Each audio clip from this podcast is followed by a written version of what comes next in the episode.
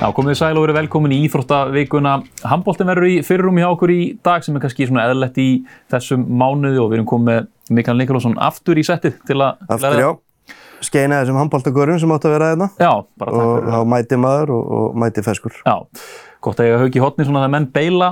Kjell, er þetta ekki góður eða? Ég er mjög góður. Já, ef við ekki bara vaði ég sem að allir er að spá í, það er handbóltinn. Íslenska kallarnas í, í handbólta. Þetta hafa verið, Mike, eh, smá svona batamerki gera mútið Þískalandi en annars húrandi vonbreiðið ekki? Jú, jú, þetta hefur verið það en, en hérna, við fórum samt upp á riðlunum og, og ég er ekki alveg, þú veist, ég ætla bara að vera hreinskilin, ég er ekki alveg að skilja þessa meðverkni. Mér finnst mm -hmm. Ísland vera með betri hópeldur en Þískaland. Mm -hmm. Ég veit að þjóður eru á heimaðalli, það er alveg pressa að vera á heimaðalli. Mm -hmm. Með 20.000 manns, það var líka pressa fyrir Íslendinga að vera með alla þessa áhörundur í höllinni og ég var meðal hans á tveim leikjum. Serbia, þú veist, Ungverðarland, Svartfjörðland, þetta er ágætið slið mm -hmm. og við vinnum eitt leik og gerum eitt eftirbli og allir brjálaðar einhvern veginn, mm þú veist, við vinnum samt, töpum í gær og allir er eitthvað til geggjað, sko, þú veist. Þetta þíska lið er ekkert eitthvað frábært, sko, Nei. og litla breytt, minni breytin í Íslandi eins og ég segi, og en heilt yfir náttúrulega er þetta mótbúar að gríða alveg vonbrið, en það var mesta baráttan í liðinu í gær, Já. það verður að segjast alveg eins og er, en þetta er Ísland í handbólta, sko. Já. Þú veist, ef að ef að Frakland í fókbólta tapar einhverju leikjum þá er það ekkert okkur slánaður að þeir börðust sko. Við klikkuðum mikið að döðafærum í gær og liði var svo frábært, nei, það voru fjóri-fimm gæjar sem spiluði frábært í gær. Mm. Það voru fjóri-fimm líkilmenn sem áttu hauskúpuleik í gær. Mm -hmm. En það er einhvern veginn ekki tala neitt um það. Nei. Er ekki með skrítið, Kjellihús, það er talað um okkur í, í hérna bara fyrir mót sem, besta, sem bara besta sóknalið heims nánast sko og svo einhvern veginn næsta dag erum við yfir að hrósa okkur fyrir að standa í þjóðurum. Já, þetta er mjög skrítið allt saman og besta sóknalið, veist, ég hef búin að horfa marga leiki á þessum móti og veist, mér finnst ekkert benda til þess að við séum eitthvað frábæri sóknalið. Allir búin að vera býja eftir einhvern veginn að við séum að vera að spila svipa og snorri gerði val, þetta er svo langt frá því. Þetta er bara hægt, lítið um fyrst með svona einhver kerfi sem maður sér augljóslega. Mm -hmm og bara, þú veist, lítið að skoti fyrir utan. Þetta er allt bara einhver, allt eitthvað nóð sem að þeir bara eru bara að lesa okkur fyrir lungu og bara algjört brað, sko. Mm -hmm. Sko fyrir en að leiki gær þá erum við með eina fæstu mörkin í keppninni Já. og það hefur ekkert, jú, jú, við fórum náttúrulega yfir einhver liði gær sem eru hægt að spila, það segir sér sjálft, en fyrir ef við tökum liðin sem eru í þessu millirili, sem eru tólið, ég er ekki alveg með þetta að vera frammi, nú eru öll liðin búin að spila jafnmarga leiki, fjóra leiki, uh, þessi setni bylgja upp eftir við vinnum bóltan að þegar við höfum að tala um snorrastein leikinn í gær fórum ekki einu sinni upp, hægðum allt á okkur. Þannig að það var bara að fara í eitthvað allt önnur gildi í gær sem er kannski betra mm -hmm. fyrir þetta lið. En ég tel við að við múttum að reyna að keira mikið hraðar á þjóðverðinu upp uh, í gær þegar við vorum að vinna bóltan í vörðinu því vörðinu okkar var sterk. En allt tala um besta og eitt besta sókli í heiminum frá einhverjum spekingum eða eitthvað sem er að spila handbólta lengi er bara algjör kjáftæði. Mm -hmm. En síðan er það bara þannig eins og ég sagði að það virðist ekki með að gaggarina einhvern veginn alla. Það, ég hef eiginlega ekkert séð um það ekki er að Gísli Þorgir hafi verið hræðilegur í leiknum í gerð. Hann er íþórtamaður ásins. Mm -hmm. Ef að Gilvi Ó. Sigursson myndi spila svona fyrir ílska landslíði í fókbólta fyrir 5-6 árum, það er allt orðið vittlust. Oh. Og Ómar Ingi, það er aðeins meira að tala um hann, því hann var hræðilegur. Mm -hmm. En Gísli Þorgir bara, þú veist, og það var kaplinn sem ég fannst drepa okkur. Það, var, það voru þessar 15 mínútur þegar hann breytir þarna í fyrirháleik, tekur Aron út af, Gísli kemur inn á, áður en að Janus fer svona að delivera, að þá fannst mér bara, mér fannst þess að það mátti að vera 3-4 mörgum yfir í háleika í þessu leik. Mm -hmm. Og svo bara kemur Janus staði í setna háleik og ef það hefði ekki verið fyrir hann, það bara tapast leik með 7-8 mörgum.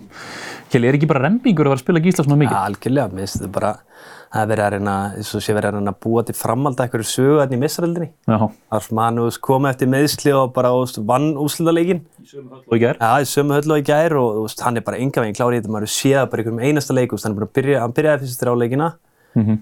og spilaði nú ekki mikið í gærin, það var þó eitthvað. Jújú, hann spilaði alveg eitthvað kortir. Á kortir, skilja. Og gerði bara nákvæmlega ekki neitt. Það sást það verður bara að segja þetta svo er. Það sást bara til fyrsta leikin, hann er ekki klár í þetta sko. Þú veist, hann er bara hrættur að fara í sína árásir og bara einhvern veginn ekki sami hraði á honum og fleira. Mm -hmm. Ég bara skildi ekki sko. Ég mennst að það var hodnamenn ömulegir.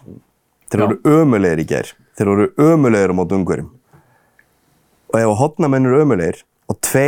tvær stæstu stjórnunar, kannski fyrir utan Aron Pálmarsson sem er nú aðeins og hann eldri, mm -hmm. fyrir utan, eru ömulegir líka. Hvernig gata á liði verið frábært? Já. Þetta er handbólti. Mm -hmm. Svo er annar líka með Gísla, mm -hmm. það er ekki eins og séum með Magnús Sigurjónsson úr fram sem er bakk upp miðmæri fyrir hann. Við erum í Janus Sem tók basically við á hann með þetta að mittist í Mætiborg og þar á eftir Haugur Þrastason. Þetta er ekkert mál tannig sér sko. Mm -hmm. Hann er búin að spila frábæli í vetur og í annar staði í Þýskúrústöldinni og Messaröldinni. Sko. Og, og svo eins og ég klára bara þú veist að ég er búin að gagga hérna okkur maður svo Þorstein Leo sé ekki þarna. Mm -hmm. Þú veist nú er Einar Þorsteinsson og Ólar Stefánsby stúka aftur í gerð.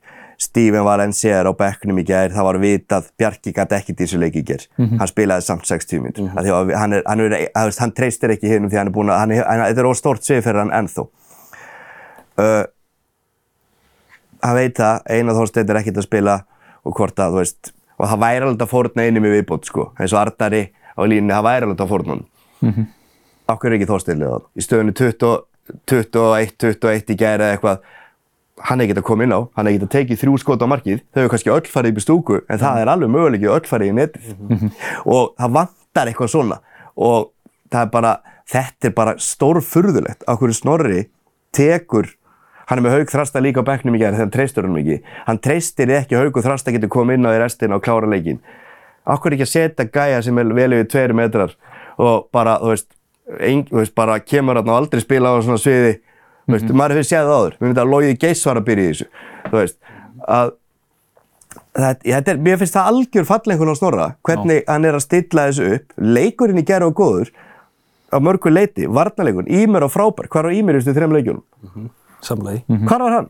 Hann hefur búin að vera besti ári. Það er held í því að Snorri er svo, hvað segir maður, hann hamrar svo mikið á að spila mönnum og sem getur spila bæði vörn og svo. Og það er litið ástæðan en ég menna hann verður eitthvað breytilegar og annað, þú veist, þú nefnir okkur ekki þóst lefa þarna. Þú veist, víst að Stíven er ekki að spila meiri sókn en þetta og það er svona bjóðstöðunum sem ekki varnamann, okkur er ekki Orrið Þorkilsson á. Orrið Þorkilsson er alveg bara copy-paste útgáfa af Bjarkjum og Elísson, hann er bara slúttari, mm -hmm. þú veist, ekkert eitthvað frábæri vörðni, eitthvað drullu snöggur, hann er bara góður að slúta.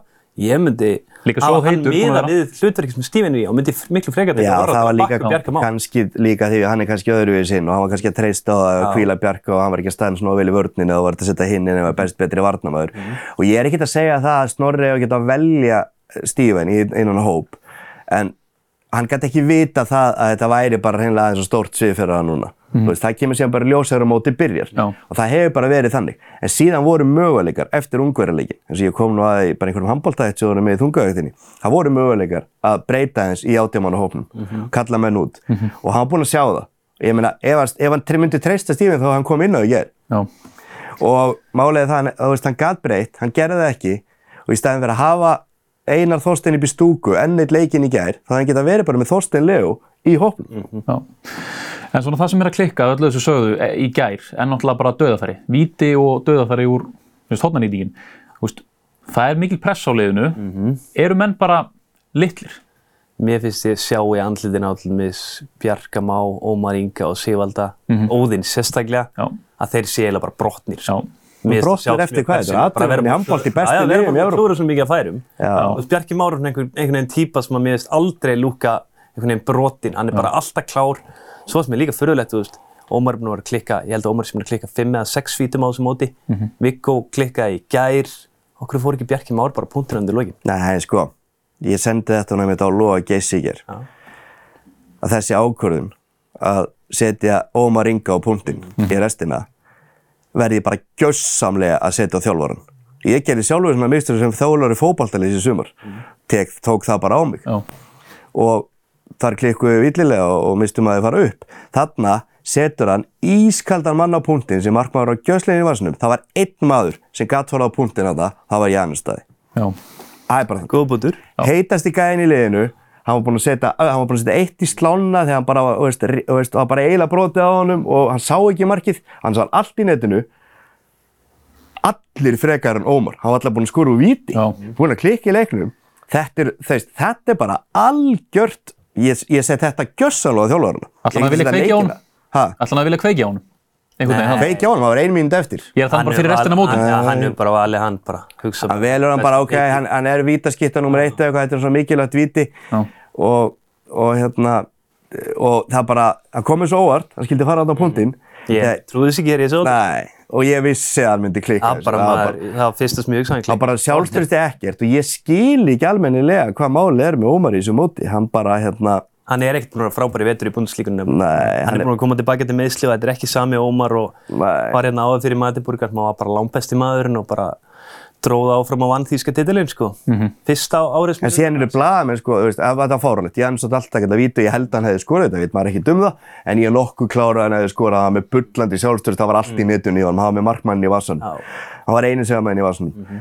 uh, en síðan bara, þú veist, en maður, þú veist, svo er blaðamenn að spyrja og, veist, hérna, já, varstu bara kvíla Eh, Ómar og, og Gísla í setnaðaleg mm -hmm. býttir um henni ekki að horfa á leikin er ekki meina að horfa á þetta, Snorri svaraði nei, ég er ekki að kvíla þá. Ég er bara að spila leikmennum sem bara voru að spila vel. Mm -hmm. hvernig, hvernig er hægt að spyrja að það, veist, þetta er svo mikið meðvirkni með þessu leikmennum, af hverju, er þetta fóreldra Gísla Þorgers eru frægir? Já. þú veist, ég spyr, ángurins, það verður að spyrja. Hver spyr svona, er þetta kvílan Gísli Þorgers er heppin fyrir mér að vera í 16 mann hópunum í þessu leikum, þannig að hann er bara ekki tilbúin í þetta. Mm og þú veist, auðvitað var hann ekki að kvíla mm -hmm. og þetta svaraði snórið því bara vel. En veist þér að meðvirkni með þessu handbóltalandsliði ár eftir ár sko, bara alltaf, ja. í, í sérstaklega fjölmjölum sko. En ég þól ekki þegar við mætum og töpum leik og það er allt svo æðislegt. Þetta var allt í lægi, við börðumst. En what the fuck, mm -hmm. þú veist. Við vorum ömulegur á móti ungverjum. Östuríki er búin að gera jafntefni við Spán er búin að vinna ungverja gera jafntefni við Kroati mm -hmm. veist, við töpum einum leik fyrir þjóðverjum og við erum á æðislega þegar við börðumst. Mm. Sí, þessi úslit sína okkur bara það. Sviskir jættibliðu Frakland. Fullt af þessum úslitum sína okkur bara það. Holland tapar með einumarki fyrir Svíþjóð á síðustu sekundin. Östuríki vinna... Ég er að tala um Östuríki þarna. Jættiblið spána okkur á tíu og vinna ungur ekki búin að tapa leik. Þú veist, Portugal er að vinna leiki. Þeir eru rúlið við Noreg. Mm -hmm. En við erum illa sáttir að því við töpuðum fyrir þjóðverðum. Já, þetta er galið. Nei, þetta er galið, sorry, menn þurfa aðeins að fara að kíkja á heldamindinu og ég var auðvitað að vera neikvæður eitthvað, en ég skal alveg vera jákvæður, kom bara morgun og vinnum bara að frakka. Mm -hmm. Því að í svona móti eiga öll góð lið, góð handbóltalið, eiga alltaf eitthvað góða leiki og svo eiga þeir alltaf, allavega einn mjög slæman leik, flest lið, kannski ekki Danir, Danir gæti alveg tapað undanúslutum sko. Og nú eru frakkarnir búin að eiga það á móti Sviss, þú veist, sem dæmi, Svíjar kannski á móti Hollandi, -hmm. tökum bara svona einhvern dæmi. Ísland er bara búið að ekki degja neitt góðan leik og ef við ætlum að tellja okkur eitt af áttabestu liðunum eða eitthvað, mm. þá bara komið tímið til að fara að sína það, ekki bara að vera ánæður með að tapa einhverju. Já, en þú svo er hinliðin á pinnunum, höfu við, er einhver ástæða til að vera alltaf að hæpita lið upp ár eftir ár og verða alltaf fyrirmómbrið? Sko, miða við það, okkar bestu gæðar eru að spila margir í bestu lið með heima og sumir í líki líki hlutverk með þessu Ómar og hana, Gísli en mér finnst samt er maður horfir aðra leiki í þessu hana, móti og önnur lið, mér finnst vanta eitthvað í Ísland sem innleinur með. Mm. Það er ristór þungurlínumæður mm -hmm. og bara alvöru varnamenn. Hvað er þessi gæjar? Fúsi er ótt talað um þetta. Veist, við þurfum heldur bara systematíst, við erum það lítið land, að sækja þessa gæja. Mm -hmm. Hvort sem er séu sko í körubólta, fóbólta eða hvað. Við þurfum bara að ná í það. Því að það er oft svo augljóft að þessi gæðir eru bara ekki til í okkur sko. Við erum oft bara miklu minni en öll hinlegin sko. mm -hmm. Mér finnst þetta bara búið að vera svona í mjög langan tíma. Þetta er bara búið að vera svona síðan Ingemyndur og Sverri og Já, í sammála. Húsi voru. Þess vegna hefur árangurinn, þetta er bara hára rétt að kila, og þess vegna hefur bara árangurinn ekki verið betri. En menn bara eitthvað lítið framhjöfu og þess vegna er ekkert að það að spila eitthvað glans handbólta mm -hmm. því mhm. miður. Þess vegna verður bara gæðin svo í mér sem er langbæsti vartamærin í þessu liði. Hann verður bara verið liðinu og ef þú vilt ekki skipta þá, verður, þá spilar hann bara línni. Mm. Allavega á stóran hluta leiksins þú veist, þú getur bara gett, já, veist, að við erum eins og fáið góða varnamenn, við verðum að nota þá. Við erum fullt af góða sóknarmennum. Svo er það bara þeirra, þú veist, Aron Pálmars er búin að spila mjög vel í þessu móti. Mm -hmm. Aron Pálmars er búin að spila frábæli í vörð. Mm -hmm. En það var vörðin í gerð góð, því að hann, hann var með snoraði með baki í bæki í gerð og var að gera breytingar. Þess að hann setta bara sína vörðin inn. Viktor Gísli er búin að vera fín, mm. mjög góður í gerð. It's like a lake, manni mig. Já, þú veist, hann er að, en þetta er bara rétt við kila. Hinn liðin eru bara meira ógnandi utan, við erum miklu meira hnóða. Mm -hmm. Mér finnst þetta eins og ég á bara að horfa á hérna, Austuríki í gær, mér finnst þetta miklu meira, miklu meiri leikkerfi, mér finnst miklu meiri eitthvað eitthva plan í sókninni það mot ungurum. Ungurinn stóðu bara mot okkur, sex metrunum bara hérna niðri mm -hmm. og þú veist, ekkert mál og við vorum bara eitthvað að drippla og drippla. Það var plan hjá Austuríkismönnum, ungurinn er ekkert við þá. En við erum með betri handbóltamenn en sem lið eru við ekki erum við ekki nógu góðir Mhm. og höfum bara ekki verið í svolítið langan tíma. Sem, eh, ég veit ekki, gumma gumma kent um það, að þeir ekki snorra lítið og bara verið kent um það núna. Það er engin meittur á pappír eins og við erum alla leikmannina þarna með. Þið skiptir lengi. Já, og allir að spila í frábærum mjög góðum liðum, líkilmenn, en það er ekki nóg, því þar eru þeir með þessa leikmenn í hinu liðunum sem eru líka bestu leikmenninni þar Já. og eru kannski stórar og sterkir og góða varnamenn og annað og þá ní- njóta þeir sína sjálfsögur kannski betur og maður skilur það alveg. Þetta að verðar er bara liðið, við erum fullt af góðum einstaklingum en, en fyrir mér þá erum við bara kannski við erum ekki eitt af tíu bestu liðanum í Evrópu fyrir mér. Nei. Það bara er, þú veist, mér finnst það bara að sínt síðan síðan. 100% samanlagi. Svo setjum við öruglega inn eftir ár og setjum krögu á heimsmeistaratitil. Ég held að við tónum aðeins niður væntingarna núna. Ég held að við séum svona aðeins farnir átt svo því að ég vona að Arnar Dæði reyndar, hann hamra bara á því ennþá að við séum eitt besta liðið og Já, já. þetta sé nú bara búið að vera lið. lélegt sko.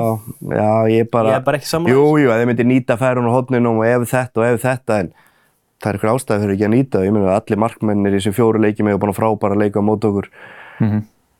Góðir hodnamenn, þú veist, hafa verið það, en eru það eitthvað betri heldur en þíski gæðin sem snýri boltan tvísar fram hjá Viktor að þetta í gær með brjálar sjálfstörust eða, eða dönsku hodnamenni sem fara bara inn og setja hann í vinkilin í hvert einaða skipti. Ég, ég spyr sko. að ég, þú veist, hotnamennin er okkar bara flotti leikmenn, þú veist, þeir eru ekkert eitthvað bestu leikmenn í heiminum, bara langt í frá, sko.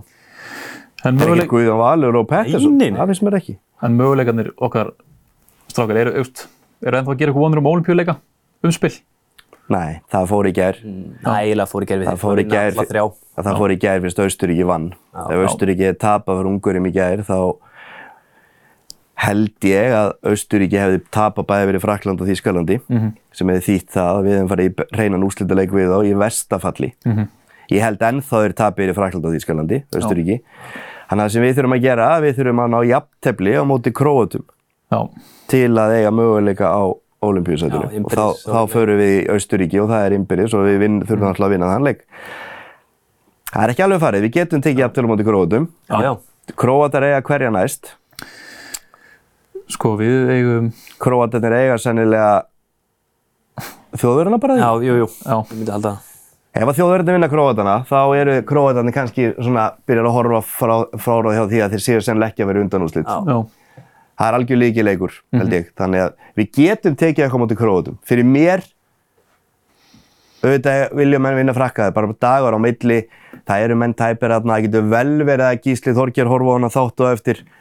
Og þú veist, að því að hann kannski hugsaður upp í rúmi, ég er okkur fæði enga gaggarinni, ég er íþróttamæður ásins, Já. ég er ekki að tala um eitthvað gæja, ég er ekki að tala um, ég er ekki að gaggarinn að stíða um Valencia, sko, ég er að gaggarinn íþróttamann ásins og íþróttamann ásins tvö í röð þar á undan, Já. þar ger ég kröfur.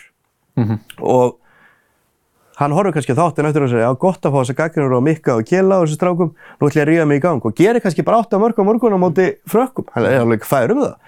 En fyrir mér á öll einbettingin að fara á Króata því að þar liggur möguleikin olimpíusæti því ég hef ekki trú á Austuríki tæki stig á móti frökkum og, og hérna Tískalandi. Þískalandi, þannig að, að því að við, ég held, við förum aldrei á að vinna um frakka og nei. þannig að allt annað er farið, það er bara möguleiki að úslita leika mot Austuríki, það er möguleiki og ég meina, hvernig ætlum við að fara í hann? Við förum ekki í hann ef við töpum bæði fyrir króatum og frökkum. Við þurfum að leggja þetta þannig upp. Svo reist okkar dómgæslan, hún var mikið til umræðu í gerð. Þú veist, verður ekki að gefa okkar mönnum það? Þetta var ansið svona, þetta var vafasamt, þetta loka marg. Mér fannst leikurinn heilt yfir vel dæmtur en þetta loka Já. mark var stór skritið, þú veist. Svo ekki allavega því sem ég lærði í handbóltareglunum þá var þetta þarna tígrip hjá hann mjúri knor. Já, Ég bara skiljaði ekki og svo annar lí, líki í þessu. Býtu, er var hægt í handbólta? já, ég, Já, já. það, það er alltaf þegar það er hérna verið að tala um hvort það væri foul play, sko, svoleiðis. En það verðist aldrei verið að nota með svona aðrið, sko. Nei, mér finnst það skrítið, þetta er svo mikilvægt moment til loks var ekki mér hægt að fannst, stoppa og fara mér fannst tilbaka dómgæslan í þessu leik bara fín. Já, já. Uh, það sem að er, það er, þú veist, ég, maður horfur á mikið íþrótum, þú horfur á körfubolta og náttúrulega kannski mest hérna heima og þú horfur á íslenska landslífi í fótbolta og, og þú horfur náttúrulega á ennska boltan og allt þetta. Það er, þú veist, það er ekkit bara Einar Örn Jónsson, það, þetta hefur verið svona eiginlega síðan að maður byrjaði að fylgjast með Já. að þá eru þeir sem er að lýsa þeir eru endalaust að gaggrina dómarana mm. ef það er eitthvað. Ég segi sé aldrei lýsara, lýsa íslenska landsliðin í handbólta og segja, herruðu, þarna, þarna, þarna átti í mér að fá tvær mínútur, mm -hmm. við vorum hefnir. En það er alltaf hinn um einn, bara dómarður eða ekki og þetta fer þetta bara inn í svo mikið af þjóðinni sem kannski fylgis bara með handbólta í janúar. Mm -hmm. Þú veist, að það er, hann var svona í gær, ef einar örn hefur verið að dæmina leik, þú veist, mér finnst það fýll lýsari sko, Já. ef það verið að dæmina leik, þá Ísland bara unnaði með svona 20 mörgum sko. Mm -hmm. Með það sem honum fann sko. Þannig að það fer svolítið inn í hérna, en þetta er bara algjör þvæla. Málega það, þeir dæmdu velina leik, þetta eru vafasami dómarar. Já, með einhverja sögu. Já, já, fáröldi sé að dæma það á sem mótu alltaf. Þeir dæmdi henni leik, þeir dæmdi hann heilt yfir, mjög vel. Já. En í lokin var bara þvæla. Mm -hmm. Við áttum að fá boltan, það voru 15-20 sekundur eftir, þetta var bara leiktu, auðvitað var þetta skref og tvígrip og allt þetta síðasta marki. En það skipti eitthvað móli, þeir voru einu marki yfir, sko. Mm -hmm. Við hefðum aldrei náða að jafna þá, en þeir áttu að vera búin að fá leiktu á sig. Og þá kemur náttúrulega öll þjóðin og fer að kenna dómarunum um, en okkur skoruðu við bara ekki um sem tveim vítum mm -hmm. sem við fengum. Nákvæmlega. Þannig að, ef þú ætlar að kenna dómarunum, þá ertu ekki að Ómar Inga alveg af mikið. Mm -hmm. Þegar hann hefði getað jafnað leikin. Mm -hmm. En við vorum ekki búinir að jafna hann þótt að dómarun hefði dæmt leiktöf. Vorum ekki að jafna hann, en það mátt mögulega á því. Mm -hmm. Kanski fengi annað viti, hefðu við skorað á því. Trúlega ekki. Ég er ánægð með nefninu einar að ég er vel þreyttur á þessu hófmaður þessi stund maður Íslands bara hætti þessu dómar bull og lístu bara leiknum úr góður í því sko. Já, já, nákvæmlega. Mér finnst þetta bara endalust. Já og alltaf eitthvað gerist, þá reyðið upp aðtök frá því fyrri álega, hvað sem var ekki þann tínum eina. Já, já, já, okkur aðeins sko. Rauðarspjöðu elli að ég bara held að því einar sagði að þetta væri aldrei rauðt, svo talaði við gaurið sem eru djúburinn í handbóltegir, það er alveg eftir ekki að rauðt á þetta sko. Já, já, þannig að mér fannst bara, mér finnst þetta bara vel dæmdur leikur, mm. þú veist, það er ástæður þessi gaurar að dæma þarna. Þeir eru alveg ágætið stómarar mm -hmm. en svo eru, svo elska það bara free cash. Já. það er bara þannig. Og, og það er bara eins og það er. En þeir kunna alveg að dæma handbólta, þeir kunna alveg reglunar en svo fannst mér þetta að vera svona í lokin æ, við erum hérna 20.000 manns og kannski fáið smá cash í, í varsan í mm. en ef við bara leiði átum þjóðararvinda þá skulum ekki vera að dæma leiktu, auðvitað var þetta leiktu þeir eru sókinn ekkert á marki og það var aftur verið miðju, ég meina þetta var ekkert um að bara dæma um bóltan í kvelli það var skandall en fyrir utan það 59 minútur, 30 sekundur, bara vel dæmdur leikur með kannski svona 7-8 dómaramistökum sem voru mun færri heldur en íslensku strákarnir gerði í sókninni sko. Svo fattaði ég líka leiknum mútið Serbi, ég er ekkert rosalega hrifin að einu stíð sko. Bara 0 eða 2 sko. En eitt í gær hefði sennilega komið okkur í, hefði sennilega komið okkur í einu úslita leika mot Austuríki. Það hefði gert búið að lítið fyrir mig svona andlega. Mm -hmm. Já, nei, ég er sammálið því. Mér fannst bara að við ættum að vinna inn að leik með hvernig hann spilaðist. Það er bara þannig. Mér finnst þetta þjóðverðili bara ekkert sérstætt. Nei, það er fyrir grafans. Bara alls ekki. Mér finnst Stríkói Gærna, það er markmaður í Júri Knorr og Golla. Hinn eru bara mediókari í, sæn, nei, sænsku, þýskur úrstöldinni. Sér það bara úr skoða lið. En, en þetta er svolítið lið, samt. Þetta er lið. Já, þetta er lið. Alfred. Hann kann að búa til lið. Og ég menn, þeir geta alveg, þú veist, auðveldlega að fara undan úrstöldið núna. Mm -hmm og þeir, þeir þurfa bara að vinna Kroati, þeir vinna Ungveri, þeir vinna Kroata og fara undan úr slitt sko, með frökkunum. Hvað er Alfred að gera hann á? Það er ekki einhver ríki kall á Íslandu, það er ríki kallar að setja penning káru, koma ekki inn á eftir. Getur þú ríki kall bara að hendi Alfred einhverjum miljónum á mánu og hann þjálfar Ísland? Það verður lengur. Var. Þú skiljum þetta að vera gott íslið, þetta er ekki einhvern spest íslið sko. Hann var reygin á sín tíma. En Dagur Sigur heldur með, Dagur var með hræðilegt lið 2016 út af því að það meittust einhver áttagæjar eða eitthvað, þú ert að mæta með varalið eða og þeir eru undir keppnum. Já, það er á rétt, ég, er ekkert að setja út úr svona. Þannig að þú veist, þjóðverður og heimaðli eru þjóðverður og heimaðli, ég veit það alveg, en þetta þýskalið í gær, það fannst mér eitthvað slagast að þýskalið sem ég sé lengi, Já. en markmárinn er góður og bara alltaf fína varnamenn og annað, en, en þeist, meðverknin og mikil, við töpum leiknum og við áttum aldrei að tapa honum og þá, þá bara er það ekki gott, mm -hmm. það er bara þannig, en þótt að nokkur leikmenn að spila vel í þessu leik. Það er Frakland á morgun, hálf þrjú, hálf þrjú lögadegi, menn geta ofnast mm. nokkra bóli við því og Já. bara vona það besta sko. En ef við ekki bara henda okkur í frettir vikunar, ég held að þessum svona nokkuð tæmtir á mm. íslenska handbólta landsliðinu. Það eru einn frett sem kom bara í morgunsárið. Það var að, það ræti, það er búið að framlengja við hann. Vanda, all, hún vildi að þetta er hennar síðasta verk mm -hmm. sem formaður að framlengja við okki það ræti og þú veist, hún er að reyna að skilja eitthvað eftir sig, eitthvað Já, ég held að það sé klálega bara ekki með þessu hjá en mér finnst þetta svo skrítið því að nýrformaður á bara ákveða þetta sko. Mm -hmm. Og svo líka bara leiðuðu bara að ræti að klára þess að leiki í mars sko. Ekki mars frekar nafnir. Jú, mars. Mars bara að gefa hann einhvern nýjan samning og svo bara ást allt í einu hérna, töpu í mars og hætti ekki þessi fimm gæjar. Mm -hmm. Það geta alveg gerð sko. Þá er hann bara mættið með allt hann að lið sko. Já. þá þarf fyrir mér að skoða spilinu búið nýtt og endur stokka bara á stokkin sko. mm -hmm. Að þetta er bara bull, þetta er bara þetta er eiginlega bara ólulegt það er bara þannig Já. og ég kalla eftir, ég veit ekki hvort hún þorir að koma í þungaðutin en hún kannski þorir að koma að hinga, ég veit ekki, ég kalla eftir að það þarf eitthvað að viðtala um þetta og fá, fá útskýringur á þessu. Mm. Hún er að hætta, framkvæmstjórn er að hætta, það getur fjóri stjórnamenn verið að hætta mm. sem að þurfa að fá endurkjör, ekki dýstir fá það. Mér skilst að borgkuldur sé að hætta líka sem er búin að vera stóraðn inni, er mögulega allavega. Þannig að það er meiri hlutan að hætta og ég segi bara, þetta er bara svo fyrirtæki mm. og þarna er fórstjórn í fyrirtækinu og framkvæmdustjórn og allir að hætta og það er nýtt fólk að koma inn eftir mánuð og það verður að ráða í stærstu stöðuna inn í fyrirtækinu. Mm -hmm. Ef ég væri Totti eða Gunni núna, ef, ef að gefum okkur að það verður þeir tveir sem bjóða sér fram, þá væri ég brjálar. Já. Þetta er, ég meina þetta er bara, þetta er bara siðlust. Þetta er bara, ég veit ekki hvað, hvað henni gengur til og stjórn KSI og svo er ekki nóg með það að með einhverjum árangri að þá framleikist alltaf samningur. Og núna ef Þorvaldur Örlis kemur og þeir tapa fyrir Ísrael, segjum það, og hann vil fá nýjan þjálfara og ný stjórn vil skoða nýjan þjálfara, þá er það bara, kostar það bara brjálaða peningur. Það, það er uppsöndar ákveði í, í lok, lokás. Lok Hvað er þessu? Í lok þjóðadeildarinnar. Okay. Er, þannig að þú veist, það þarf þó ekki að eiga peningi í að reyka ok, ok, ég, ég sá ekki að það er alltaf aðeins betur en samt sem áður, þetta er bara galið. Það er, tveir mánuðir leik, það er engin að segja reykiði og fyrir þess að leika með dísaluð umspil, mm. hann bara fær hann er bara einbæðsar því mm. fær bara þessa leiki, þegar þeir eru búinir þá er komið nýr stjóri.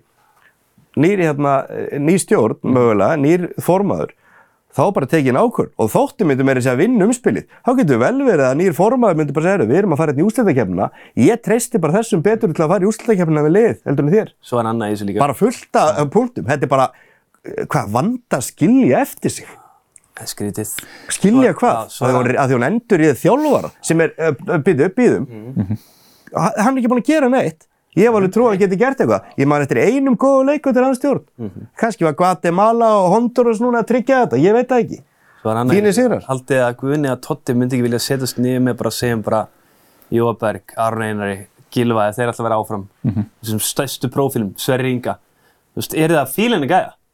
Þú veist, vilja ég halda áfram samstarfi með hann eða verður til í annan eða hvað? Þú veist, ég held að þetta sé samtala sem að þeir myndi vilja eiga á því svona líkil menn, sko. Mm -hmm. Allir klálega. Ég held bara að þeir vilja líka bara með sinni jafnvel nýju stjórn og nýjur framkvæmdistjóri bara fá að ráða því hverju þjálfari. Já. Af því að, að, að, þú veist, hann var að renna út, sko. Þetta er allt annað að þau eru gerðu lengri samlingur á sínum tíma en það var ekki, þetta var, þú veist, það var drauma staða að samningurinn hjá stærsta gæjanum að inn í sambandinu væri að renna út eftir þetta svo maður getur bara skoða stöðuna svo bara endur á það hann eða þeir vilja. Þetta er bara svo kjössalega galið. það er mjög örögt að skilja þetta en maður er bara einhvern veginn svona að reyna að búa ust, reyna að finna ástofa fyrir því og þá það fær maður til að halda að hún hafi griða trú á honum. Já, Vanda hefur náttúrulega ekki, Vanda er svona sem ekki að skilja eitt eða neitt eftir sig, það er eitthvað rosalega lítið sem hún skilur eftir sig, það verður bara að segja, nema bara eitthvað brjálu töp á peningum, sko, mm -hmm. það verður bara að segja eins og er. Þannig að kannski vill hún eitthvað skilja þetta eftir en ég, ég hef, já, en kannski búin að gera ágætt í sluti þetta en ég hef ekkert verið að taka mikið eftir því, sko. Nei, það er svo sem, svo sem þannig, herru, grindvikingar, þeir spila líklega á, þeir og þau bæðilið mm. á Laugardalsvelli, Haug, Haugur Guðberg formaða sata við vísi, þetta er svona, auðvitað einhver synd en kannski eitthvað, eitthvað sem er eftir í huga grindvikingar svo sem þessa dagana? Algjörlega, algjörlega. Það verður bara fróðilegt að sjá þetta og svo er náttúrulega bara fróðilegt í kjölfari bæði bara hverjubóltalið og fókbóltalið Grindavík og bara hvort þau muni að halda áfram. Mm -hmm. Veist hvort að Breiðablík muni taka í Grindavík eða fara eitthvað samstarf með þeim í körfunni eða hvað skiljur. Já. Þetta er mjög fróðilegt að sjá þetta en auðvitað er þetta ekki það sem skiptir máli nú. Nei, nei. Þú veist, fólk er að reyna að fá húsið sín borguð og mm -hmm. bara fullt af veðsinn í gangi hana. Ég held að þetta sé nú með bara 5, 6 og 7. Já. Það var, úst, Grindavík verður allavega í einhverju breyttri mynd held ég í, Já, í náinni framtíð allavega. Ég hérna, ég myndi ekki flytta til Grindavíkur aftur næstu árum, persónulega. Það er ekki sens. Og ég, þetta er náttúrulega, þetta er náttúrulega hrikalega sorglegt alls saman en, mm -hmm. en það er bara eins og Kili segir, ég minn ef að, ef að hérna öll húsarnir keif, verða keift upp, Já. þá er enginn að fara þarna aftur. Nei, nei. Þú verður búin að kaupa húsið þitt, nú er fólki bara hrikalegu vandræði mm út af því að veist, það er kannski með húsi að meta 80 miljónir fyrir fjórum mánuðum síðan það er þetta á 0 krónur í dag og það býr, býr í einhverjum kjallari eða einhverju herbyggi eða einhver staðar á. Seltjarnesi. og það þarf eitthvað húsið þetta er keift, að er öll hús keift þú fær pening þá færðu strax að kaupa þér eitthvað nýtt Já. það segir sér sjálft og þá er bara leið og upp sem er alltaf, hríð, sem er alltaf aðalmálið þannig að hitt var um 5, 6 og 7 eldir en það er síðan um svona 50, 60 og 70 Já. en nummer eitt er, á, er að fólki fái peningarnir sinni undir húsunum það verður að vera að þá líka, þá, þá er þetta að vera helviti harður til að mæta bara í næsta mánuði með hamarinn og byrja að byggja nýtt hús í Grindavík sko. Það er alveg þrjóska. Það er alveg þróska, þannig að það fer allt yttilega og kaupir hús annar staðar og verður bara annar staðar. Einhverju kaupir í Vesturbænum, einhverju í Kópavóinum, einhverju hérna og Hafnafjörunum og, og það verður bara ekki þannig. Og við ætlum að færa ykkur öll í vógana, við ætlum að færa ykkur öll, þetta verður ekki þannig. Nei. Þannig að ef að þetta gerist, þá er ekkit Grindavík Nei. áfram, Nei. þú veist, í bara Grindavík er ekki áfram nema að koma í einhverja svona sammenningu þú veist, bara sem, þú veist og það er heilsi auðveldar í körfunni þú í fótballstunum Já, miklu, veist. miklu öðuldra. Já, og þannig að ég, ég þetta verður mjög erfitt að, að hérna, halda þessu út og svo hugsa maður bara með yngri flokk og annað. Þú veist, nú er einhverju kannski þrýr strákar í 15 flokki Grindavík, bara sem dæmi. Nú eru þeir kannski bara að æfa hérna með breyðablík. Þeir búa eitthvað staðir hérna núna í smárunum. Nú eru þeir búin að æfa með breyðablík, fá að vera inn á æfingum þar. Er yngri flokkar í Grindavík með, með einhver æfingar núna? Já, ég bara veit það ekki, ég var ekki pælið í þessu í gerð, sko, en þarna... Ég held að sé bara við og dreif, sko. Ég verður að við að dreif Já. og svo ætlar hann að finna einhvern eitt stað í sumar sá ég hérna í þessu viðtali sem myndi fá að æfa í vógunum og þú ert með badni í Vesturbænum, hafa bara í meðlanskóla núna í sex mánuði og er í KR, ætlar að fara að keira á vógan og æfinga með Grindavík. Stóri ef að... Þú veist, Nei. væri ekki bara um badni áfram í KR, það er komið í meðlanskóla eða whatever. Þannig að þetta, þetta er bara hrikalegt ástand og það ljóta að vera fundur um þetta á hverjum degi. Ég sé ekki hvað máli skiptir hvaða velli er spila á sko. En, en það jákvæða við þetta er það, maður séð í körun núna, þú veist, fólk er held ég að ná að saminast og mæta og hittast Já, já. Á þessum leikjum. Já. Veist, þeir eru potta på vonast þeir geti líka gert það í sumar á fótballleikjan. það verður samt bara Hvernig miklu sem- auðveldar í körfunni. Og líka þegar þetta komi inn í tímbili í körfunni. Og ég svona hef einhvern veginn, þeir eru bara, þeir eru bara styrkja liðið sitt í körfunni. Ég hugsa bara, þeir hugsa þetta bara eins og ég hugsa þetta núna þetta er mögulega bara síðasta tímbili grindaðugur klárum þetta bara míslmeistaratill Já. svo eru bara keiftir einhverju fóktir í kanar í miðju sko hérna, þannig að, Já. en í fótballtanum það verður ekki þannig og, Nei, og, það og verður það verður miklu erfara, miklu fleiri leikmenn og, og þetta gerist bara réttur undirbúinstímbilar að byrja og ekki allir peningar komnir inn og annað myndi að halda. Þannig að þetta verður mjög fórvöldlegt. Það er fyrir maður frá Grindavík til Sáti-Arabíu. Það verðist vera ónægja meðal einhverja leikmanna þar, þó reyndan enginn sé svo sem búin að segja það upp átt, en Henderson var klálega... að segja það, sko. Nei, Það geti verið, verið bankuð upp á þér. En þetta Henderson dæmi, hann er komin í Ajax, kemur þetta ekki, hann lítur að döðsjá eftir að hafa gert þetta, farið til Sáti, þetta kemur ekki Jú, jú, út já, hann er búinn að segja það núna bara í viðtölum á Ajax, Já. þetta hefur verið hræðilegu tími fyrir hann síðustu mánuði og mjög augljóst að hann sér mikið eftir þessu. Uh, hann er komin núna í Ajax, ég held að fleiri leikmennum fylgir kjölfarið, það sem að mér er svo skrítnast við þetta er það, hann er ekki búinn að borga hann sem hann mætti þarna. Svo er eitthvað, eitthvað búinn að lesa um að það sé eitthvað út úr skattamálum, Já. en ég trúi því ekki, sko. Og munir sannlega ekki fá neitt borgað. Nei. Það var eitthvað tengt í að þurfa að borga minniskatt. Já, ok. Þannig að hann átt á 700.000 pund á viku. Ég myndi freka borga að kela 700.000 pund á viku fyrir að mæti á þátt, sko. Þetta er náttúrulega, þetta var ótrúlega til samningu sögur. Já, Þetta já. er Jordan Henderson, sko, að vera færtur. Svo var bara, Já, já. bara léligur og lífubúlindur lókin, sko. Já, já, þú veist, fylliðismæður, ekki spurning, en hann tóð 700.000 á viku á viku, sko. Já. Og veist, hann tóð hálfan miljard á mánuði Já, og þurfti að spila í tvö ára eða eitthvað, hann fengi þetta allt á skattirálst. Hann lappar út með 0 krónur, skælbrósandi, eins og ég sagði í þættinu mjög okkur í gær, skælbrósandi inn í einhvern legubíl, sko. Hvað, e, hefur, hvað hefur ger, gerðist? Það Er það út af því að þú ert að spila eitthvað fyrir 600 áhverður, hvaða máli skiptir það? Þú ert búin að vera með allan hennar feril.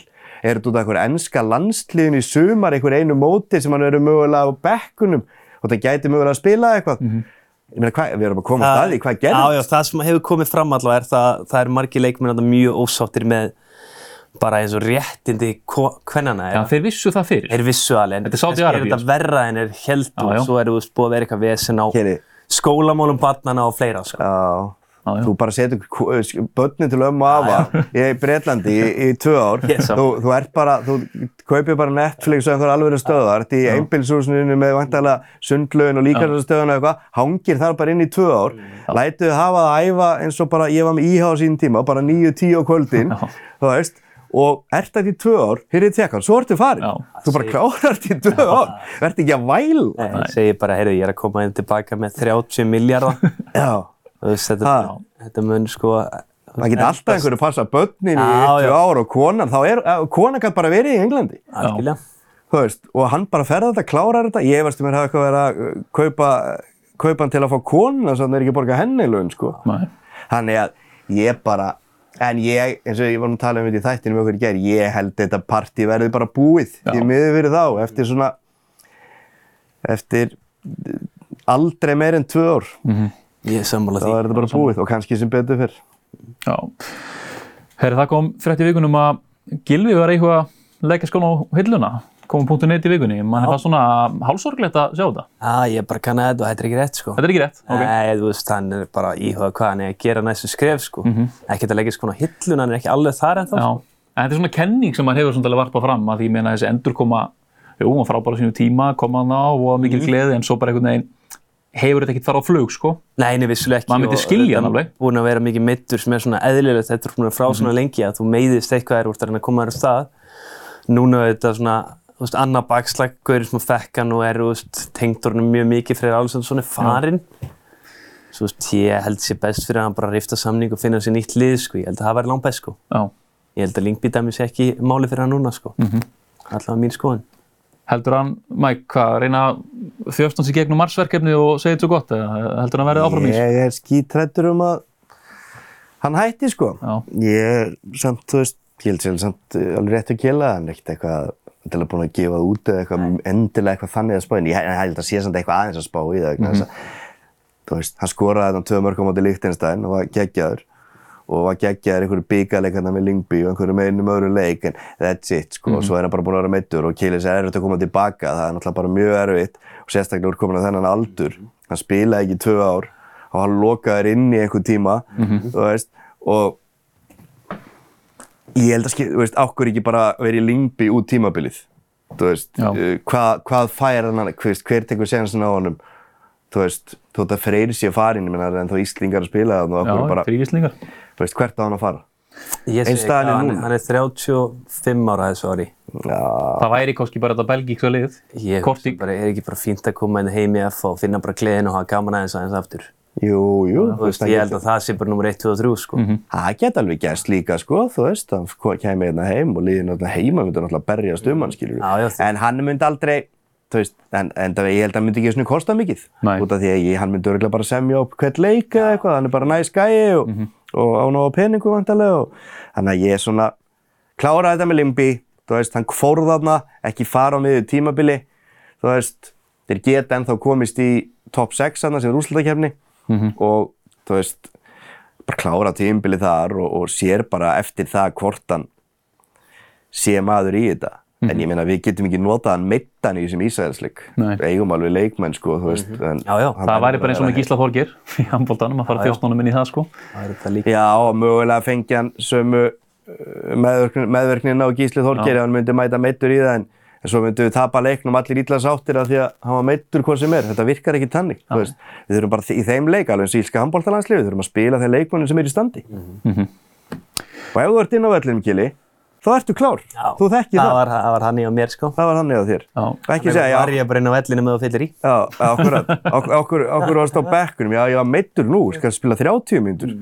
Það var meittur hann kannski að spila 30 mínútur. Þannig að ertu bara klár eða ekki klár. Þannig að allir í landsliðinni handbólta klárir og ef Gilvi spilar, þá er hann klár og ég varst ekki um að deila yfir og það skiptur okkur miklu mála sem miðum á dísæl en hann þarf að vera í standi. Já.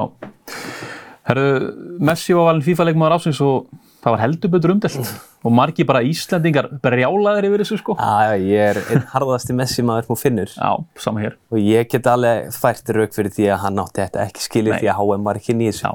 Eftir HM var þetta líka hann titill sem að hann var bara, hann var bara mjög fítn í PSG, hann var ekkert hræðilegur eins og margir hefa talað um sem eru mjög miklu Ronaldo-menn.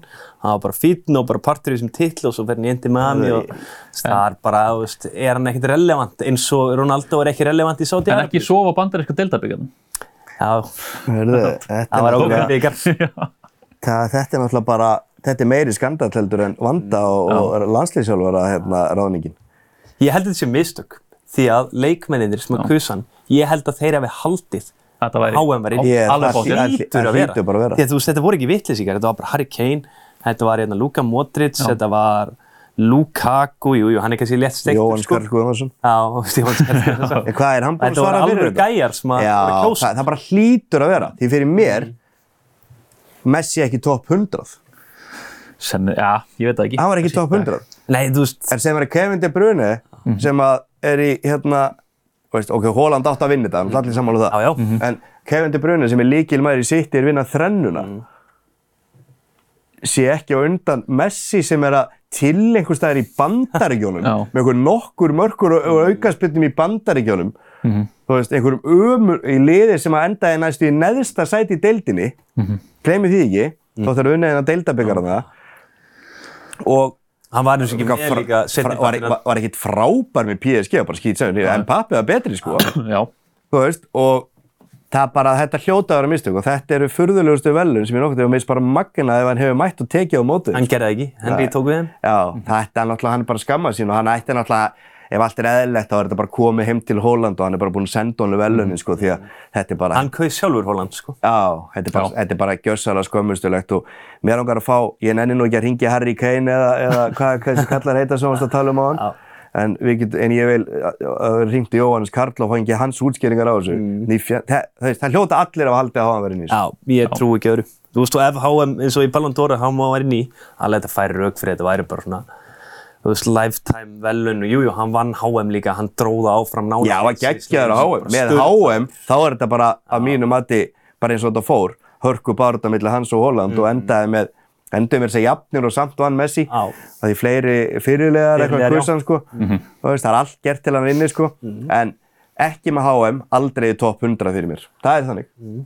Já, já, það er mögulega, þetta færi rauk fyrir því, sko. Það eru kilum að taka smá framhald á á máli Everett Richardson Já. frá því í síðustu viku. Við hérna, náttúrulega þegar við vorum í síðustu viku þá var hann bara alltaf að vera áfram í blikum. Mm -hmm. uh, svo bara er maður alltaf búin að sleppa orðinu þegar maður er á ásvöldum og síðan hann bara á æfingu þar sko. Já. Og nú ég... er hann búin að skrifa undir á haugum. Algjörlega, ég tjekka aðeins á þessu og þótt hann hafi svona samþygt að spila mútið haugum og halda áfram breðablík þá var hugurinn eiginlega komin til hauga sko. Mm -hmm. Hann rætti þessi blíka aftur eftir þann leik og endanum leiður hann um að fara sko hann var ekkert innur ítluðan eitt hann, hann var bara svona, Já.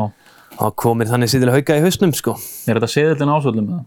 Sá frægi seðil? Þetta er ekki leikmar, mér fá ekkert mikið seðil, hann er bara að vinna á Íslandi sko, Já. bara íslensku ríkisborgari sko. Nei, bara þetta er skrítið, þetta er bara lið sem er í fallbortu með þeim sko, hann er ekki Já, bara í... Já, þetta er, þú veist, sem blíki, sérstaklega í gær, við töpum mútið Áltanes, mm -hmm. bara í framlíkingu, Nefnilega. með hann, við munnið á sko, hann vantaði fjóra byrjunlismenn, eða þrjá byrjunlismenn í Áltanes, fjóra í rótiringu. Mm -hmm við höfum unnið á með hann sko, þá var ég bara jafnir haugum svo ég er alveg pyrraður sem blíki en úst, skil hann kannski að því að úst, hann er búinn að fá seint og illa borga hann að sanga til honum og þetta er ekki KKÍ samningur svo hann getur rift honum hvernig sem er og góðu vinnur hann sem við þjálfa hann lengst af hérna á Ísland er að þjálfa hauga. Já, nákvæmlega. Herru, förum bara í stöðli, komum aftur að verðum.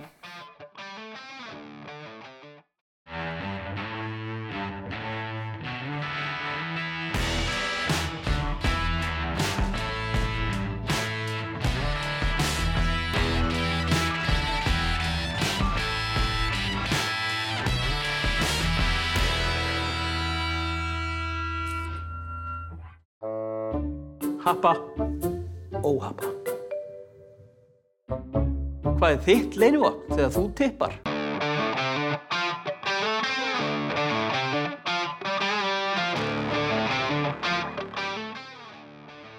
Herru Kjeli, förum í lengju seðilinn langskotu og döðafærið í, í bóði lengjunar, auðvitað. Hálf rétt. Byrjum á döðafærinu. Það er mjög basic. Bournemouth Liverpool 2-1-61, Brighton Bulls 1 Arsenal Crystal Palace 1. Þetta er heildastuðl upp á 3,09. Já, nokkuð örugt. Já, bara svona þægilegur, Já. 1-2 sitt. Já. Heyrðu, aðeins flóknara langskoti eins og vanlega. Brentford Nottingham Forest, Ævan Tóni að koma tilbaka. Það verður, þú veist, hann verður rocking völlurinn, sko. Já. Þeir munu vinna hann leik, hann verður að skora. Brighton Wolves, yfir 2,5, ég er bara að tekið þetta bett mjög reglulega, það er alltaf mikið að mörgum í Brighton leikjum. Mhm. Sheffield United West Ham, 2, West Ham vinna hann leik. Blackburn Huddersfield, hann fyrir svona skemmtilegast að betti í þessum sæli, það er Arnór Sig skori. Ok, geggjað. Stuðlun hann 3.46 með líka bara taka það stakt hann var þokkalega heitur um daginn og hann er að fara að hitna aftur Swansea Southampton 2 hann er heildastuðlu på 31.21 Ok, solid stuðl og mun gefa vel í aðra höndina veistla. Hrúið á þetta. mm. klart mál Við ætlum aðeins að fara í fótballtalandsliði, Mhm. bara svona stutt, þetta voru fáir sem að sá þessu leiki, þú sást þó annað þeirra. ég sá annað er að var reyndar ælandi svona helmingin að leiknum með ælupest en ég sá eitthvað Þunnur líka eða? svo- Nei, ég bara fekk ælupest allt í einu lögdæn Þú fara átt ælupest. ah, dessuðum ég Já. það er eitthvað með magan á mér og bara fýll leikur sko Móti? Ísak, móti aðna Guatemala Já. Ísak Snær var flottur Jason Dæði kom flottur inn á Mhm. mér varst ekkert Aron Vaxa er að leiða á leikinn og bara margar fína framistöður sko. Einhver að gera tilkallega í A-landslið og segja þetta er í Björn B-landslið. Tómasson myndi ég segja Já, af því að vinstri bakverðarstaðan í alhansliðinu er líka svolítið opinn sko. hún er það sko. Já, hann var flottur í þessum leikjum sko. Já, ekkert Aron, hann held ég Spilaði Lói eitthvað í sittileg? Það held ég ekki. nei, þekki ég ekki, hann var, flottur Já, ekkert já. Aron held ég að sínt og við svona, herru, þú veist, ég er komin lengra ekki sem menn halda sko. mjög flottur í leiknum móti Guatemala sko. og einn enn í viðbútt Brynjólfur var flottur líka Já. báða leikunum hann er, hann kom með svona smá óvart sko, hann er fullur sjálfstöðu sko. Hann alltaf- sá í markinu svona skoraði sko. Já, en ég held sér ekstra mikið núna því að hann var bara besti leikmaðurinn í fyrstildi Núri og eiginlega bara dróða upp sko. Já. hann kjöla, maður korra á þessu leiki eða? Nei, ég gerði það nú ekki en, en ég nú ekki verið einhver staðar ofur alveg að það fyrirleikur var, var það ekki um helgina Já, ég að alveg þýska þetta einn eitt í Já. nóttina Svo hálf þunnur hann úr að hinleikur var, ég var eitthvað ekki ælandi neitt en, en nei, nei, en ég voru svona aðeins að ræða þetta í þættinu með okkur í gær að ég, ég sé alveg ég, ég held ég aldrei sé að marga leikmenn í janúarverkefni eiga möguleika á að vera í hóp í næsta stóra leik sem er bara í mars. Ok. ég sé alveg 5-6 gæja sem voru í þessu verkefni byrja leikina mútið Ísrael.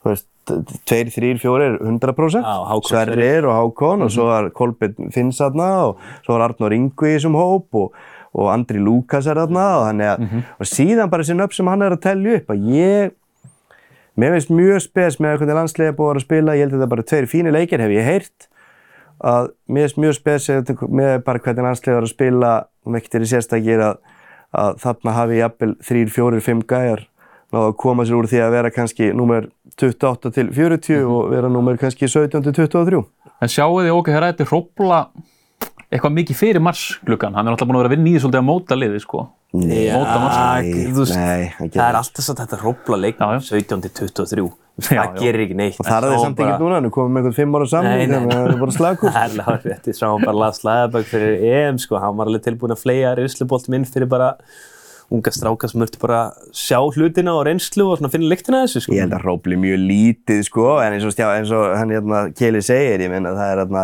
í þessar stöður, 17-23, hann hróplar lítið í byrjunarliðin, en það eru samt alveg spurningamerki en þá, ég meina Gilvi, við erum með rosalega spurningamerki tvei mánuðum fyrir uh, mjög mikilvægan leik. Mm -hmm. Þannig með Gilva, Aron Einar hlýtur að vera spurningamerki, hann ekki að spila fótbolt í marga mánu og er ekki ennþá komið í lið held ég. Uh, ég held að enn en byggakeppnin sé reyndar í gangi þarna í, hvað er ég, Katar, er hann, Katar? Katar. Uh, þeir elska byggakeppnar, en ég held samt að það sé ekki ennþá komið í lið. Uh, Jói Berg er vist heill ákvarðat núna, vonandi helst hann heill, hann hefur ekki verið að haldast mikið heill í vetur, það er alltaf meðast inn á milli. Já, en það verður stutt.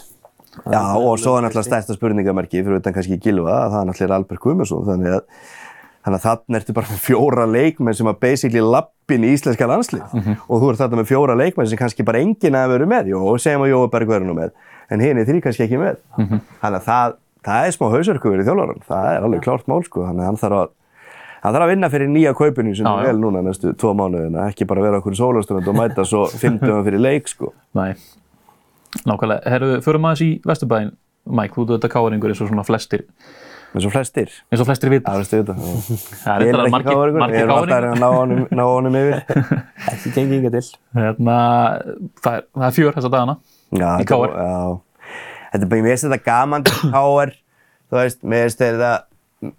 þú veist, þeir eru svolítið að stinga upp í marga, sko, hérna, Palli Kristjáns, þeir, sko, að búa að búa að hrauna yfir og sérni Ja. tóku við þarna, sko, og þetta er náttúrulega búið að vera ömulegt. Ég vorkinnilega mest samt Rúnari Kristinssoni, sko, sem er góður þjálfari, KR ykkur, þetta er mest að legend í sögu KR, og þegar menn einhvern veginn vita það innst inni, þeir gennilega vissi þetta, sko, Já. að væri að koma að segja eitthvað, þá rekaði hann, sko. Já. Og það finnst mér eiginlega rannsóknar efni því að hann náði frábæra morgun sínum tíma. Hann gat mögulega ekkert gert neitt betur með það sem hann hafði síðustu 2-3 árin. -hmm. Þeir reka hann og svo kemur, og svo kemur bara eitthvað Greg Ræder og hann fær bara alltaf peningana. Mér finnst þetta svona smá diss á Já. Rúnar. Því hann vildi alltaf árum. Ég hef alltaf vi- viljað það, fyrst þér vissi þetta, að Rúnar fengi eitt ár með þessa peninga. Er það ekki? Ég er reyndar heyrði eitt. Plani var náttúrulega Óskar já. Peningarnir átt að koma í kjölfarið Óskar koma átt að byggja já, lið. Ég heyrði að það, þú veist, menna á aðeins bakka með það er að Greg Ræður á fenginu inn svo mönnum bara litist vel á hann og ákveða að gefa hann smá money. En maður flókið að yfirbjóða þá bara Haugesund og bjóða Óskari betri samninga. Ég held að Óskar sé bara með stór plönis á sínum þjálfarferðli Já, og hann er bara að vilja fara út til Haugesund, taka sensin á því, er- vitandi að það er líka, það er frábært budget í Haugesund, sko. þetta er En einn ég segi samt líkasti líka... bæreldi í. Norrlöndunum. ég segi samt líka sko þessir gæðar sem er komin í þetta eins og hann hérna, menn vita það svo sem hann hérna Andri sem til að grjótarðu gegn, hann er káaringur, pappans á formaðurinn í mörg ár og, og hann er ekkert komist upp með þetta annað drengurinn sko. Hann hlýtur að vera Rúnars Kristins maður. Já, það Ég er hefði góð punktur. haldið Það er góð það, punktur. sko. Já. þú veist, á hverju varði þetta að vera Óskar Hrafn? Á hverju er hann eitthvað meiri Óskars Hrafnsmaður heldur en Rúnars Kristinsson maður? Mm -hmm. þeir eru báðið uppaldi káaringar. En Rúnar Kristinsson hefur gert miklu meira að vera í káar heldur en Óskar Hrafn. Og Óskar hefði gert fína hluti líka að vera í káar en þannig að en að því sögðu að þá náttúrulega bara er ég ógeðslega ánægði með þetta að káaringarnir sé að hrist upp í þessu. Og þetta breyðablíku vikingur uh, hvað við kallið þetta, þú veist uh, Dæmi bara. dæmi kjæftæði átti að vera að þau séu bara eitthvað haldandi það, við erum bara tvö lið hérna og þetta er bara mitt okkar og bla bla bla að það er bara bara slökkvi fyrir mér. Og og káaringar mæta og koma hérna herru, við ætlum bara að vinna titil og nú er alltaf öll krafan að vinna titil hjá káar. Og eins og staðan er núna eiga þær að berjast í vikingum meistartitil að mínu mati. Nei, ef þeir taka, þeir þeir þeir taka Hafsend. viðar aðra líka sem er eiginlega pottið þeir tæki og þeir taka alltaf markmann. Þeir- þú má segja það. Já, en þeir þurfa fyrir mér Markmann Hafsend vinstri bakur eða þeir fá viðar. Já, ég fá viðar, ég minn sjáðu gæjan sem þeir eru konu með. Já. og ég meina þeir eru Benoni Breki verður áfram, Kristján Flóki þú veist, Stefán Átni getur tekið næsta skref, Atli Sigurjóns þú veist, þeir eru með fullt af góðum sóknarmönnum káar, miðjumenni þeir eru með Ægir Jarl þeir eru konum með svo 2-9, þú veist Aron og Aron og Alex, og Alex geggjaði leikmenn í þessa deild þeir eru ennþá með Theodor Elmar ég meina, þetta er helviti gott lið. Þetta er drullu gott lið. Ég held þeir bara að þurfa, þeir þurfa, ég er sammálið því þeir, þeir fari ekki þetta og gleyma svo bara vörn og markmann í trúi Nei, ekki nei, sko. það væri fárlegt. En ég held að Nei. Víkingur sé orðið það mikið maskina. Það þurfi meira til en bara fá einn Já, leik. ég er sammála, ég er Ég sammála að, ég held að Kári geti stemt á titilin á næsta ári. Já, Þetta já. stefna er á hann í ár, en ég heldur vinna hann aldrei. Ég er sammálið því, en þetta er bara gaman að sé að gera þetta og svo maður að heyra helviti góða þetta sögur á hún að skaga líka ég meina, come on, K.R. sé bara eitthvað lið sem að enginn ennir að horfa á lengur í 7. 8. sæti og bara skora fæst mörkin og, og eini möguleikin ná í stig og síðan sem er að höfði fimmann á vörn og eitthvað svona og skæin sé eitthvað til í fyrstdeild þetta er ekki íslensku Nei. það er bara þannig. Þannig að núna bara fer maður alveg að fylgjast með aftur. Nú geta bara blikarnir og, og svo valur náttúrulega og fleiri. Nú þurfum þau bara að bæti, í, nú eru bara að koma fleiri lið. Þú veist ef þau ætla að vera bara að náfram mm vikingarnir eru góðir um staðin núna ég samála því, svo er stjarnan og þessi lið. Þannig að þetta er bara, og ég vil bara sjá þetta í fleiri liðum. Það eru svona kallar í öllum liðum sem er að nóga peningum, ég vil sjá þetta í fleiri liðum. Þú veist, að komi 1, 2 og, og negli 200 kúlum inn í þetta og fáum bara alla Algjörlega, og ég held að þetta sé líka bara besta markaðsetning sem deildi gætt fengið að KR sé aftur relevant sko. Björn Þór félagið minn en ITF, þú veist, ég held að hann hefði bara lagt stö niður störf alltaf daginn sem að KR voru að, þú veist, íhuga að fá þessi gæði að sækja það, sko. Ég heldur sjáanleika á öllum, öll, öll, allir sem eru að vinna í fjölmjölum að þú veist, þessar káir fréttir eru heldur vel lesnar sko. Nei, það Þetta ekki. er, jú, þetta, þetta er vinsallið sko. Já, já, en svo er leikana komið gríðarlega pressa. Það er alveg verið pressa. Ég meina, rætirinn mæti bara á bestu vikingum er sem að hefði verið ás, sem var bara ásættilegt í fyrra og en þetta er í sjötta held ég veist, að þá bara fær hann rauðarspildi sko. Já, ég væri knaspundeld KR núna ef ég réði ykkur þar þá myndi ég bara byrja að selja búninga ég myndi byrja með podcast og fleira bara nýti momentumið sko. Eins og 99, þá byrjaði hérna KR útvarpið? KR útvarpið byrjaði 99 og svona rosalega mikið annað í kringum þetta og, og, og gott ef að KR klúpurum bara byrjaði ekki einhvern veginn líka það allavega fullu og svo framvegis og framvegis og það bara kveikt í öllu. Nú er bara, er þetta bara rosalega lélætt lengi bara frá þeirri íslumeistarar eða lengi, þetta eru fimm ára eða eitthvað, bara mjög lélætt bara lélægur og lélægur og lélægur en það sem það er samt að gera það er ekki nóg að fá tvo gæja einn eins og Sagan segir þetta séu helst tveir gæjar sem mæta með kannski 150 miljóna whatever, mm -hmm. það er ekki nóg að eigða öllum peningunum í einhverju tvo leikmenn eða þrjá leikmenn, mm -hmm. þú veist það er að vera að komast á klósetti að það sko, skilur þú, og allt þetta veist, það er að, það er náttúrulega að vonast eftir nýju svæði en það verður ekkert eitthvað hvernig það er kynur og meðan þarf eitthvað aðeins að, að, að lappa upp á hitt sko. Mm -hmm. Algjörlega. Herri, mér langar að koma eitt í lókina þegar við erum nokkuð rúmir á tíma. Hérna, Kjeli, var þetta ennska bóltan? Sala meittur, mm -hmm. vitum ekki hversu lengi akkurat núna, en þú veist, þetta er einhvern veginn svona versta sviðsmyndin fyrir eitthvað púlara. Ja, þetta var bara léttur hamstring, hann röldi fram í að blamanum þig gæri og komið vídeo að því að hann var bara brosandi okay. og ekkert eitthvað óperraður sko. Ok, Klopp segist þetta í dag, hann veit ekki alveg hvað staðan er. Nei, en samkvæmt nýjustu fréttum allavega bara léttur hamstring, þetta var ekki einhver alvarlegur hamstring eins og við sáum mikið vandi veðan lendi fyrir vetur sko. Þannig að kannski missa hann bara að leikju með ekki það. Það væri bara bestu sviðismyndinu að hann missa restina mótinu og mæta fesku með Leopold sko. Nei, þetta er léttur hamstring og þeir náðu sér aftefli í gær, farum -hmm. þrjúlið held ég búið slatta reilum hann, að þeir ættu að tróðast úr ef þetta er léttur hamstringa þá er alltaf að fara að spila meira í þessu móti sko. Mhm. Það mun gera það með bara einhvern vapning að dutunum sko. En ég, ég held að hann verði komin, ég spáði því að hann verði mættur í einan Arsenal-leik sem er held ég í byrjun februar. Hann mætti alveg slepa í. Með nývasettist. Ég svo í spurning með það hvort hann mætti með nývasettist en það er alveg verið gaman að sjá hvernig það verður nú að tala um ennska bóltaðan hvernig Liverpool reyðir að þetta er náttúrulega rosalega margir leikir en einhverjir og Þeir eru náttúrulega á hann Alexander Arnold líka núna, og Sala, þetta eru tvei langbæstu menn ég veitur, fyrir utan Van Dijk. Já, Van Dijk, þú veist, og svo er Robertson ekki heldur þannig að, mm. þannig að það verður svona fórverðilegt að sjá. Nú eru þeir aðeins að lendi því sem að önnur lið hafa mikið verið að lendi í City og, og, og okkar með United, Kili og, og hérna, Tottenham sérstaklega. Newcastle. Já og hafa, ekki, ha, og hafa bara ekki ráðið við það. Já. Nú er Liverpool, sitt ég ekkert kannski með eitthvað rosalega marga en allar bestu gæðina sko. Mm -hmm. Og nú er Liverpool með eiginlega allar bestu gæðina með þetta líka og það er spurning hvernig það er ráðið við það. Því að þeir verða að gera það því að þið þekki þetta, því Liverpoolarar að mögulega bara eitt í aftefli og sigur í restinni tryggjar ykkur kannski bara annarsætið sko. Það er nú málið sko. Nei, sitt í eftir, við tökum sitt í leikin frá. Ef hann fyrir aftefli líka, svo eitt í aftefli viðbót í átjóðleikjum vinnir rest, tapir kannski tillinu og markatölu sko. Við, það er bara það. Við þekkjum það, við hefum lendið á það. Og þeir eru allir að koma inn í og sitt í núna og eiga tiltölu auðvelt prógram framöndan svona á pappir. Þeir áttu að líka þetta eftir í november og þá klikkuðu þau svolítið, en ég held ég gera það ekki aftur núna. Ef einhver er allir komnir inn í þessar bísur aðna, þannig að Leopold þarf að halda vel á spilunum og það, þeir þurfa að hafa sala, það er klort. Já, það sem ég er samt bara pyrraðast með á Leopold er bara það sé ekki búið að bakka klopp upp núna í janúar. Sko. Já.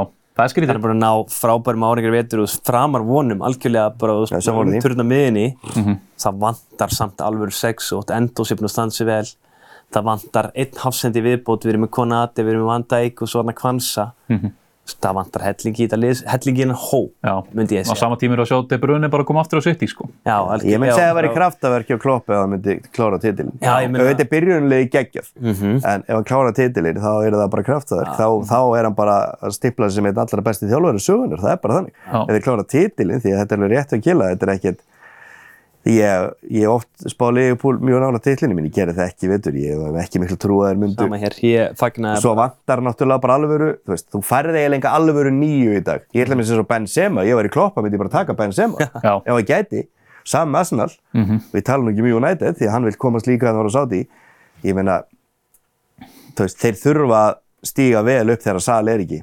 Veist, nýjur, nýja er ekki að skora mikið á Liverpool og svo sem ekki í mörgum fókbaltaliði mynda og það er kannski efni annan þátt En þeir eru, eru hrikalega góður allir að pressa og hlaupa aftur í varnina en þeir eru flesti lélir að slúta ég hef verið að taka þetta sem nýju í boltanum í dag Já, En það er eitthvað nýju leikur, Nei, hvað það er eru nýju? bara einhver alveg nýjur, ég veit það ekki, þú veist, Kane er eiginlega svona Kane eini og- eftir Kane að Holland. viti.